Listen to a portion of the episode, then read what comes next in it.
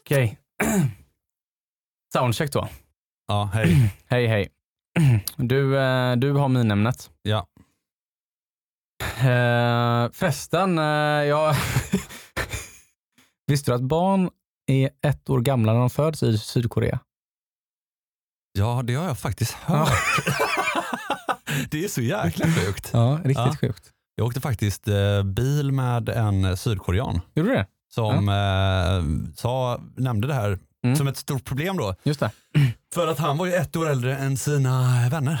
Ah, För föds du då eh, i slutet av året så blir du ju två inom loppet av ett dygn.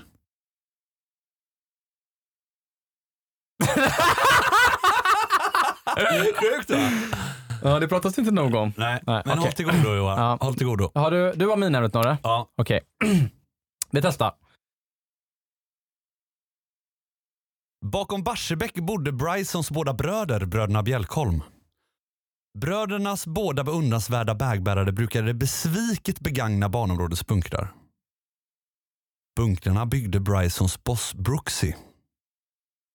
Bryson bodde bredvid banområdets beryllfärgade byggnad. Brysons bröders beundransvärda vägbärare bodde båda bortom bergen besynnerligt billigt bredvid Ballesteros behagliga bar. Birdie Boogie Boogie beslöt bak efter Bryson besöka Ballesteros bar. Bilen brummade bort bredvid bokskogens beryllfärgade byggnad, bort bortom Brobåstas basanta baknia, bort bortom Brohovs bökiga bunkrar. Brooksy briserade bredvid bilen. Behärskat bromsade Bryson bakom barnchefens brittiska buss. Barnchefen betraktade Bryson blygt och Bryson besvarade barnchefens blick. Bakom bagborden beskådade båda bagbärarna besöket. Bryson bar burtet bort bilen bakom Ballesteros bar. Bland bryggmästsbehållarnas bakom baren brukade Ballesteros baka bullarna. Och baket blev bedövande. Bullebärs bryggmästarens, bullebärs bryggmästarens! Brölade Brysons besatt. Barnchefen började borttränga bollträffen beträffande Brassin. Båda bagbärarna bröt bladklubborna. Brysons boss byggde blötare bunkrar. Bryson brottade bort bryggmästsbehållarna, böjde bak bullplåtarna, bankade Ballesteros brevlåda bucklig, bromsade bestört. Beskedet blottades bakom brevlådan. Ballesteros bortrest! Barnchefen började böla, båda bagbärarna började betala besynliga bankgiroblanketter beträffande Breedstones ballatabollars bredare basutbud. Brysons behagliga belägenhet bekymrade blott bredvidboende Bernard Spite.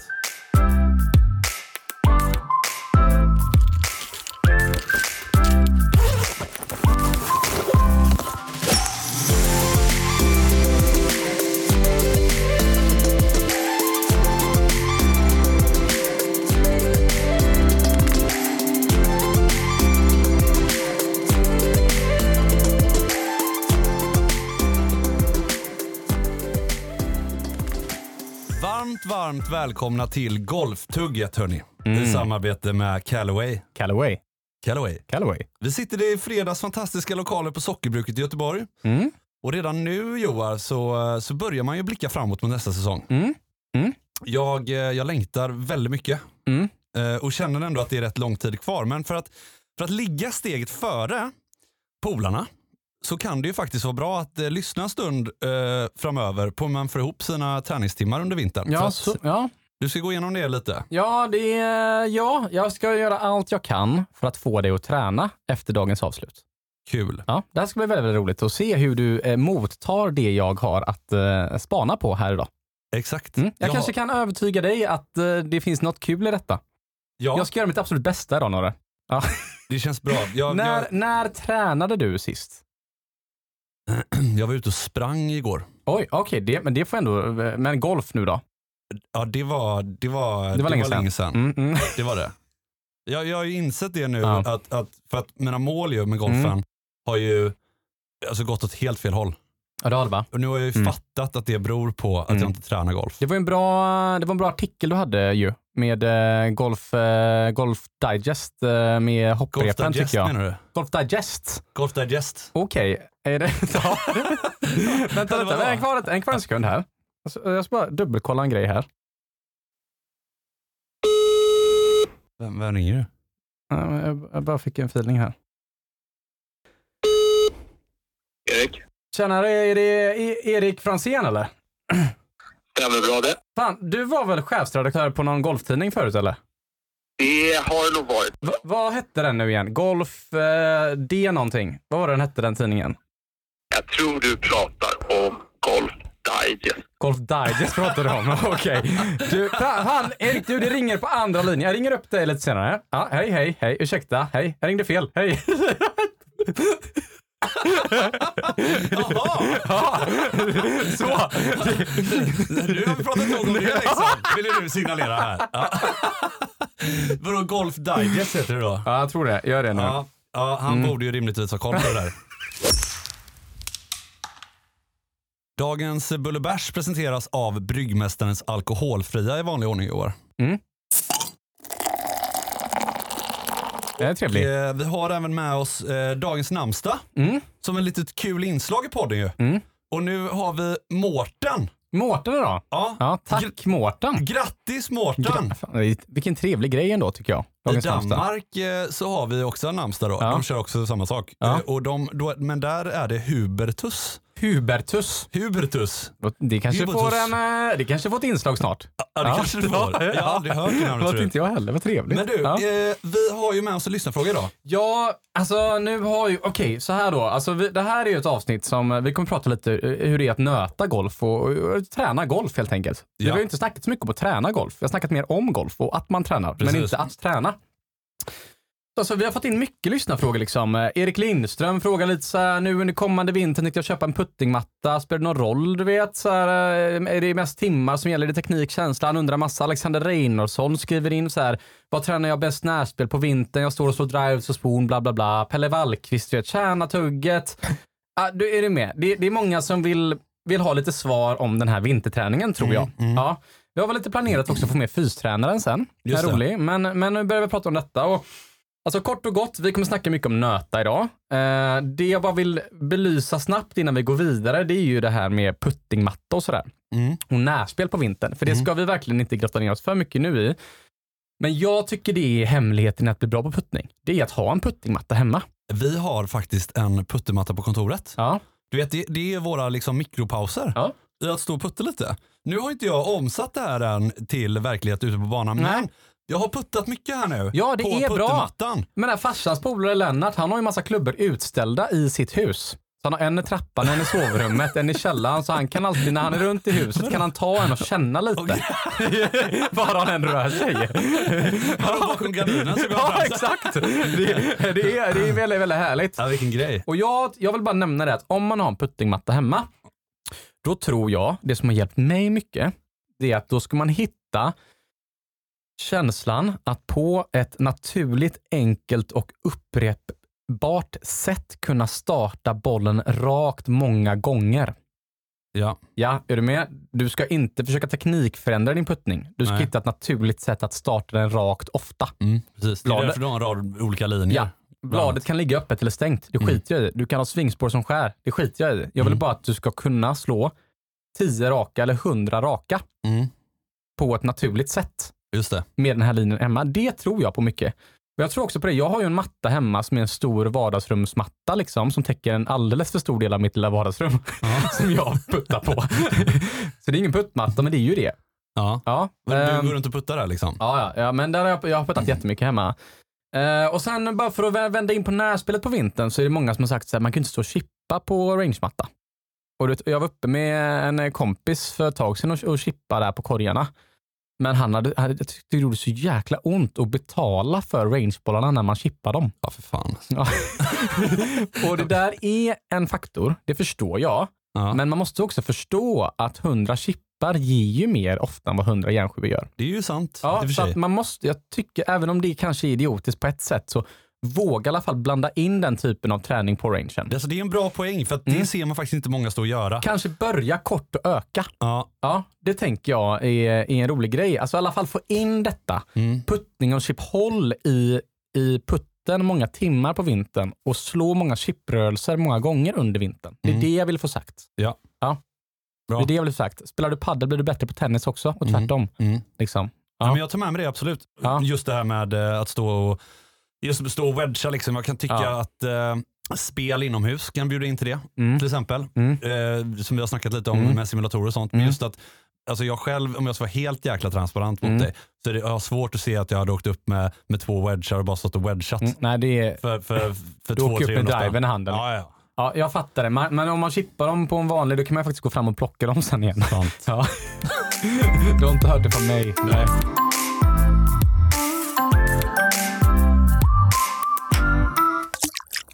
Ja, vi fick ju en... eh, Jag fick en fråga faktiskt. eh, i somras av... eh, Det är ju förra sommaren. Nej, det är för somras jag fick den. Av Jonas Lundqvist.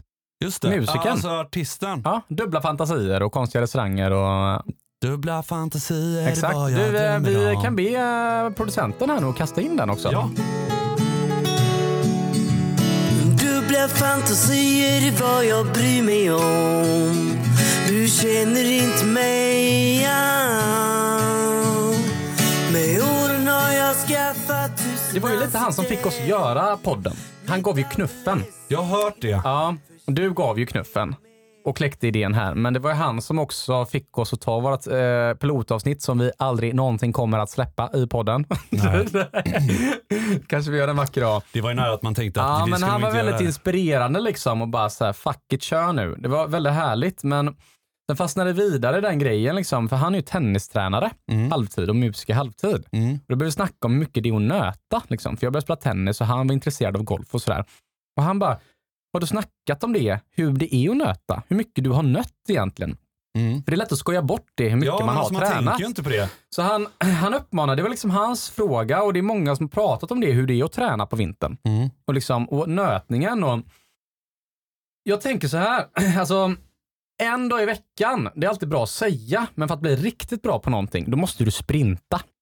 Vad menar du? Alltså göra det jättemycket under en kort period. Aha. Är du med Mm. fem dagar i veckan över tre Du menar att det veckor? är färskt eller? Ja, det är färskt och det är när du är där ofta som du kan vidare... Låt säga att du är, är, åker upp till rangen Mm. och du åker dit en dag i veckan. Mm. Då kanske det tar en kvart, 20 minuter att komma in där du var senast. Just det. Då får du bara 10 minuter i mitten, sen börjar du runda av. Mm. När du åker dit varje dag, då kanske du kan komma in där du var igår direkt. Du ger hela timmen resultatet. Just det. Jag tror på sprinten. Det är lite som min brorsa så här efter jag var klar i plugget. Han bara, alltså kör sömntabletter, dra till London i fem år. Du orkar det liksom. Fem år orkar du. Kör sömntabletter, jobba 70 timmar i veckan, inga konstigheter. Alltså, skämt åsido.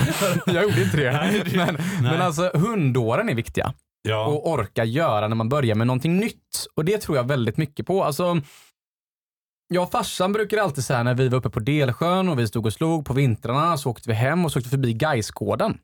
Just det. Mm. Eh, Och det var så på hösten och våren och allt och då har de sina träningar. Ja. Då stannade vi alltid till där och stannade bilen och kollade på dem. Och då stod de alltid och sköt.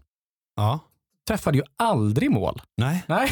det är därför de ligger i division 1. Men då har de ju gått Nej, men alltså. Grattis guys. fotbollsspelare i svenska utan att kunna fotboll. Svenska fotbollsspelare skjuter ju fruktansvärt dåligt Ja, jämfört med liksom, dåligt. eh, vilka serier det nu finns, La Ja. Liga och allt sånt här. Va?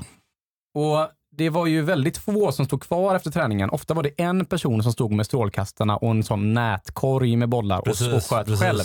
Ja. Ja, det var en som gjorde det utav laget. Hur många är de i Gais då? Ja, men 23 pers Exakt, det är en typ. av 23 som stod kvar och det kanske var den bästa spelaren. Är du med? Det är väldigt få som nöter och, och golf är väldigt svårt. Som referens la jag i kanske 10 års tid 100 bollar om dagen varje vinter från oktober till april.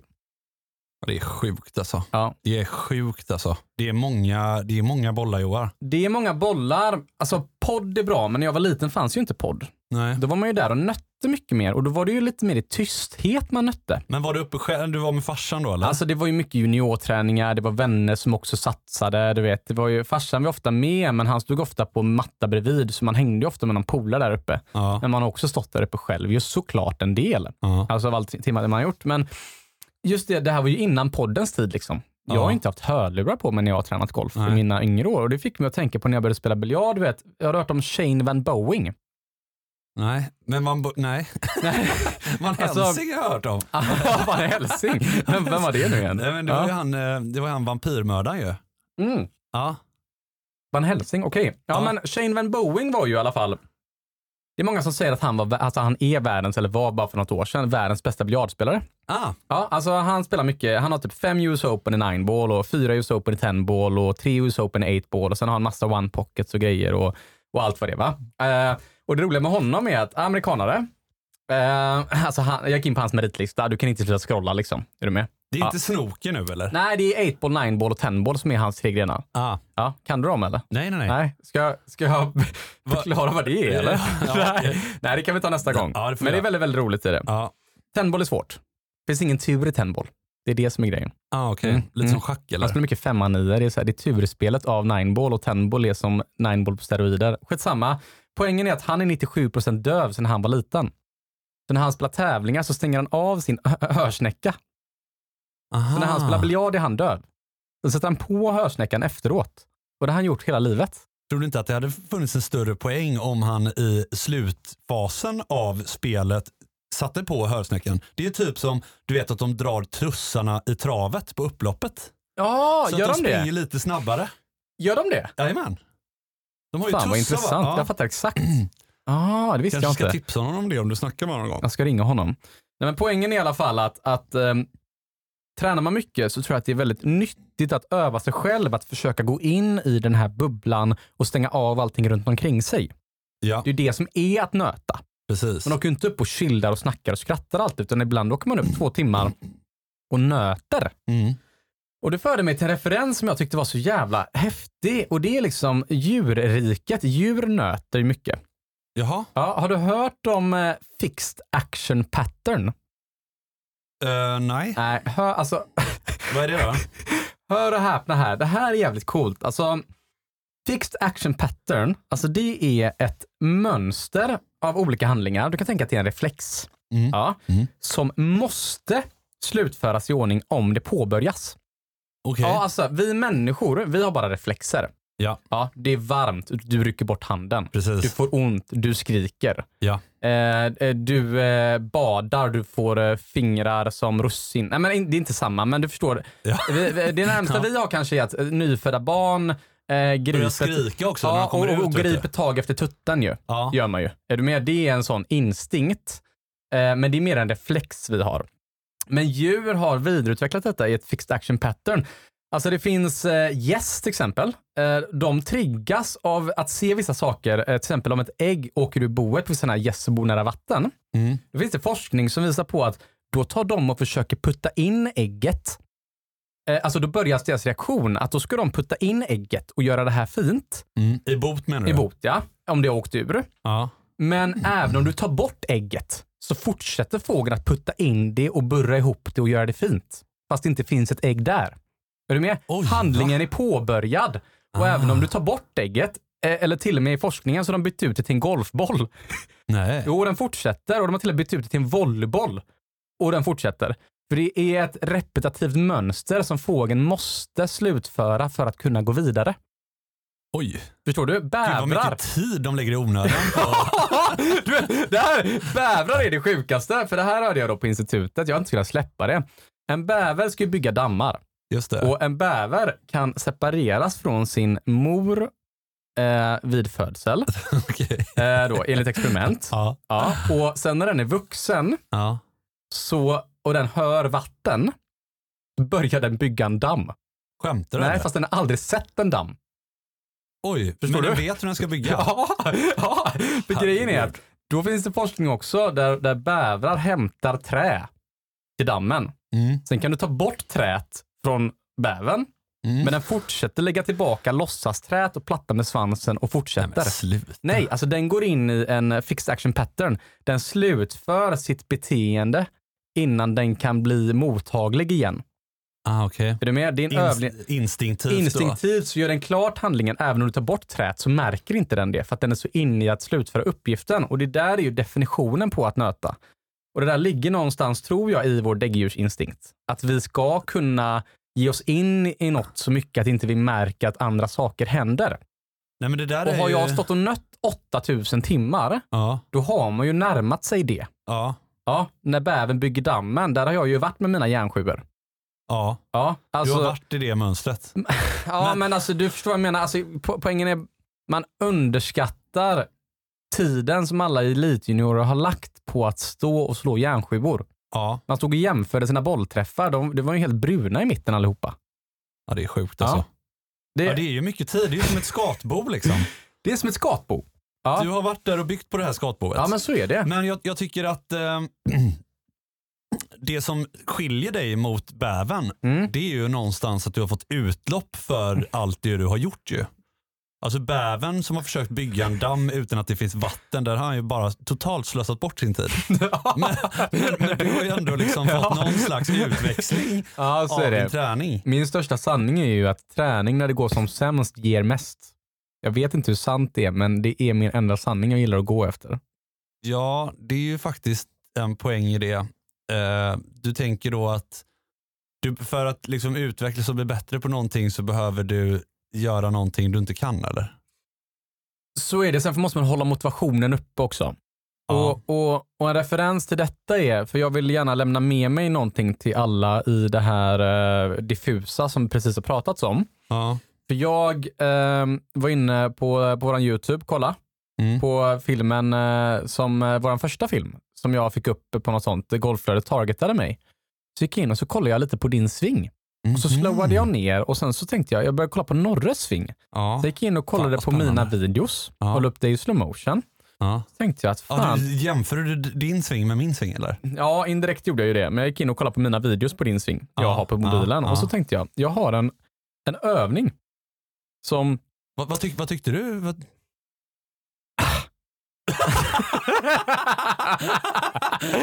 Nej, det, du gör mycket bra och du har väldigt mycket naturlig kraft. Har du i din Ja, sving. Du har mycket ja. naturlig kraftförföring och du är lite bolltalang i, i din, eh, din bollträff och ditt sätt att liksom slå till bollen på ett bra sätt. Och så här, och sagt. acceleration. Men det, är- det är väldigt skakigt. Är det. Ja det får man ju säga. Och den övningen som jag har nött mest genom mina år, Mm. som skapar en svingförändring för mig, som jag upplever att nästan alla duktiga elitjuniorer på min era runt Göteborgsområdet Mm. gjorde under kanske två, tre vintrar. Den övningen jag lagt flest tim, alla har stått med handduk du vet, och kastat bollar du vet. Och ja, håll, du vet. Siktpinnarna och Ja, du fattar vad jag menar. Ja. Men den övningen jag tror jag gjort mest är en övning som jag ser hade gynnat dig väldigt mycket. Kul! Yes, som du ska få höra nu. Och jag tror att 99% av alla som inte har gjort det här nå- någonsin kommer gynnas. Och det är den bästa övningen, punkt slut. Lär dig denna, lär du dig golf nu. Ja, lär er denna, så lär ni er golf nu. Flicks sticks i wedgen. Flicksticks wedgen. Alltså, du vet de här pinnarna, siktpinnarna som alla har, Ja, som är tunna. Ja. Ja. Du tar en sån Ja. och så trycker du ner den i skaftet på din wedge. Mm. Mm, du får mata ner den. Ja. Ja. Man ska gärna vara lite noggrann att det inte blir fuktigt för det kan komma in fukt i greppet. Om hålet blir för stort kan det rosta inuti skaftet och sådär. Men Mm. gör det. Tryck ner pinnen på något sätt. Ganska långt ner i wedgen. Då blir det att du håller i wedgen som Mm. en högerspelare och pinnen sticker upp under din vänstra armbåge in till kroppen cirka en meter. Ja. Klubban blir ungefär två meter lång då, eller Precis. en och en halv meter lång. Ja. ja. Så att klubban sticker upp på vänster sida. Ska, den, ska, ska den pinnen nudda kroppen? Nej, det är det här Nej. som är grejen. Vi kommer lägga ut en YouTube-video och förklara denna Ja. i samband med detta avsnittet. Men då ska du stå och chippa med detta. Då håller ju du forward press, för om du flippar handlederna så slår du pinnen i dina revben. Fasen vad ont det måste Är göra. du med? Ja. Men chippa kan du. Ja. Ja. Och när jag började med övningen då kunde jag chippa. Mm. Sen började jag kunna slå 20 meter. Sen 30 meter. Men man vill ju flippa handleden ofta. Mm. Men den här övningen gör att du måste gå igenom med kroppen och hålla handlederna långsamt och ta handlederna sent. Okej. Ja, så det blir att man svingar med kroppen och tvingar handlederna vara stilla väldigt, väldigt, väldigt, väldigt sent. Efter bollträff. Och när man stod över den här så stod alla juniorer och hade blåmärken på revbenen. Ja. Man ville ju slå för långt. Men efter en vinter så lyckades jag ändå slå kanske 90 meter med en sandwich med denna. Vad är det som sker när du gör den här övningen? Alltså, vad, vad blir resultatet, Resultatet av... eh, blir att du tvingar kroppen att slå utan att flippa handlederna och då kommer du komma in med bladet väldigt rakt in till bollen under en väldigt, väldigt lång tid och minimera din felmarginal riktningsmässigt i bollträffen. Ja, du, okej, kommer starta, okej. du kommer få en jätte, jättestor kontroll och det kommer få dig att kunna skapa ett stockshot och även kunna avgöra din bollstart och pinpointa den och bli 100% i princip. Okej. Det är därför det finns en, eh, en differens mellan kanske plus två handikappare och två handikappare i hur bra de är på simulatorgolf back in the days. Just det. Plushandikapparna kunde starta bollen alltid spikrakt. Tvåhandikapparna kunde inte det. Nej. Nej, så det är en bollstartsövning i det stora hela. Men jag tror att om ni börjar testa den här övningen, som jag tycker är det världens bästa övning, ni kommer inte göra kunna mer, ni kommer inte slå längre än 10 meter med, med en pitch först. Innan ni får ont i Är, revbenen. är tanken med övningen att du ska kunna slå det med en Så lo- också? Tanken är att du ska kunna slå den så långt du kan. Okej. Och i min Utan värld då? så blir du fullärd i övningen kanske när jag lyckas slå en pitch kontrollerat 100 meter så här. Oj, Ja. det är inte mer ändå. Nej, nej, nej, men alltså du, eh, okej, du, ja. när du när du ser denna så då kommer du fatta att, eh, att eh, du kommer inte slå mer än 20 meter nu. Nej. Nej, sen 30, sen 40, sen 50, Ja. sen 60. Ja. Och du kommer ont i revbenen. Men om du lyckas med detta, för du kommer ner väldigt fint till bollen, sen reser du överkroppen och flippar handlederna väldigt tidigt. Ja, Ja, det är därför jag kan ha vissa bra dagar och vissa dåliga dagar. Absolut. Och Eller det- bra hål och ja, vissa dåliga och hål. detta ser jag jättemycket, men det här är den bästa övningen för att tvinga dig till att använda kroppen som rotator eller rotationsredskap och sen få ut kraften i kroppen och skaftkicken istället för handledsflippen. Ah. Och gör du detta på rätt sätt så kommer du dessutom att skapa längd när du lägger på dina svaga handleder sen utan pinnen. Just det. Världens bästa övning. Vi lägger upp den här på Instagrammen. Mm. Men om det är en övning som jag tycker att många bör ta med sig så är det att gör detta och slå så långt man kan med en pitch. Nu när vi är inne på det här, vad, Mm. vad skulle du säga är problemet med att flippa handlederna just? Alltså problemet är att vi spelar på svenska banor där du ofta blir väldigt straffad över att slå snett. Mm. Hade alla tagit sig till Firestone i USA direkt och du missar, då ligger du på nästa fairway eller så har du en ek framför. Det är inga konstigheter. Kolla på Phil Mickelson. Han kan ligga tre hål bort och göra birdie. Det kan du inte på Chalmers.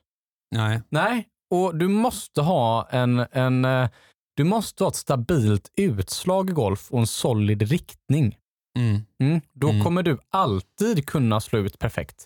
Just nu, du slår åt alla håll från tee Mm. när det inte stämmer. Mm. Nej, du, det här är för att slå rakt helt enkelt. Ja, exakt. Du slår exakt. rakt och lika långt. Det här är alltså ett lifehack. Jag tar med mig den här Ja, det här känner jag när jag berättar om det.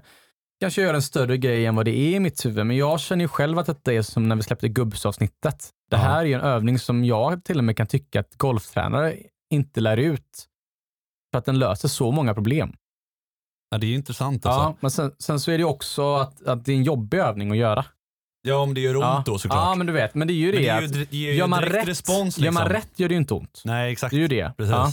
Men jag, jag bara fattar inte riktigt.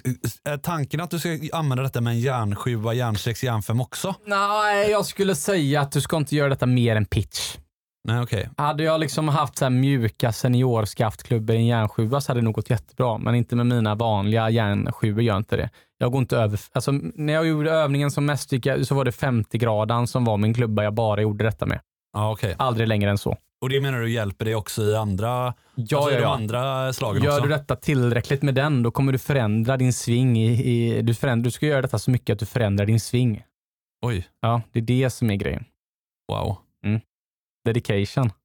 Det är en rätt bra, den, den, alltså den övningen kan man ju verkligen ta med sig eh, över vintern. Mm, det tycker jag. Det är en övning jag vill slänga med till alla. Och då är det inte så mycket fokus egentligen på, eller du sa att det var fokus på att slå så långt som möjligt givetvis, men då är mer fokus på att inte skada sig ju, kan man säga. Eller Ja. så här att du inte ska nudda pinnen mot, Det mot blir, kroppen. det då. blir ju en balans eh, att slå så långt som möjligt och härda ut smärtan så bra som möjligt. Just Det det. är det som blir balansen. För det spelar ingen roll hur ont du får, du kommer ändå inte kunna slå långt i början. Nej. Oavsett hur Nej. ont du får. Jag ska ta med dig upp nu, innan vi släpper avsnittet här nu, så gör vi en film då vi båda testar den övningen. Ja. Ja, så åker det ut eh, nu. Så nu eh, när alla lyssnar så ligger det ute.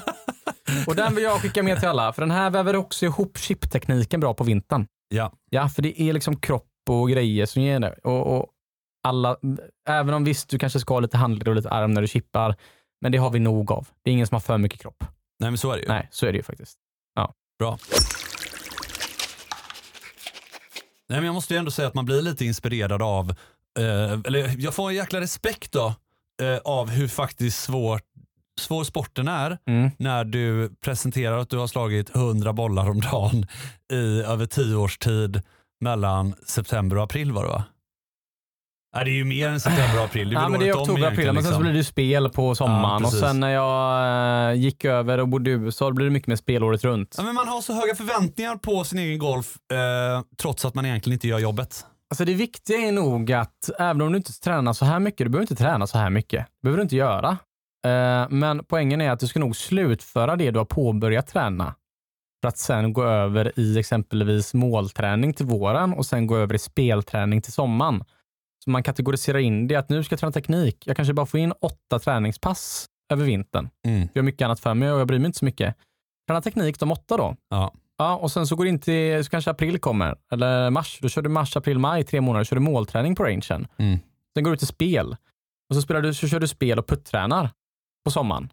Vem vet? Men, men alltså, alltså, jag tycker att det är en väldigt bra poäng just det här med träning under vintern. Exakt som du säger behöver det inte vara hela tiden. Men något jag själv märkt har ju varit att när jag har eh, typ spelat simulatorgolf eller jag har stått på driving rangen eh, under vintern så har jag ju en betydligt eh, lägre inkörssträcka när jag ska börja spela eh, golf till våren. mm, För jag menar, det är rätt tråkigt att komma ut på golf till våren och känna sig som, som relativt grön mm. och pika först i, ja men till hösten. Mm, mm. Eller hur? Det tror jag är en ganska klassisk grej. Det är många som har skrivit in nu. Det, var, det är mycket rabalder, så här, hur, många, hur många runder alla har spelat, hur säsongen har gått och nu är det över. För det är nu många pikar. Ja. Mm. Det är nu många pikar.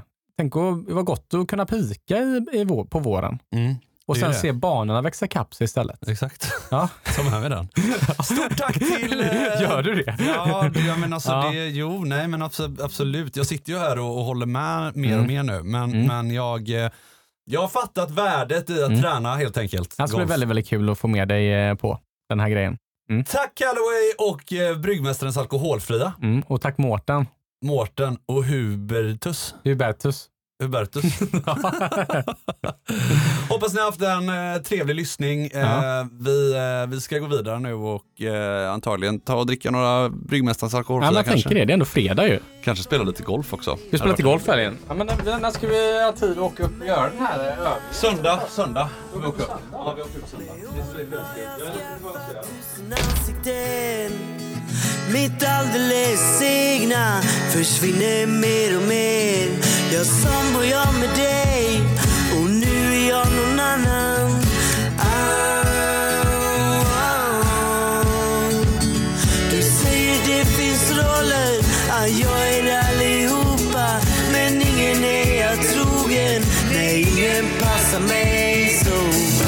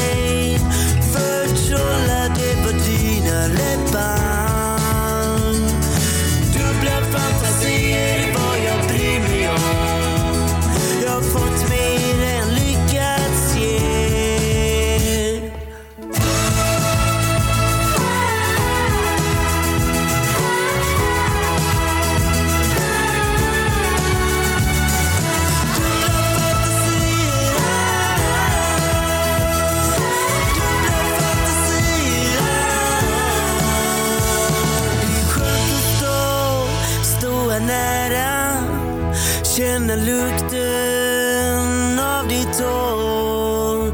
Men egentligen är jag någon annan nu. Ja, du vet jag måste gå.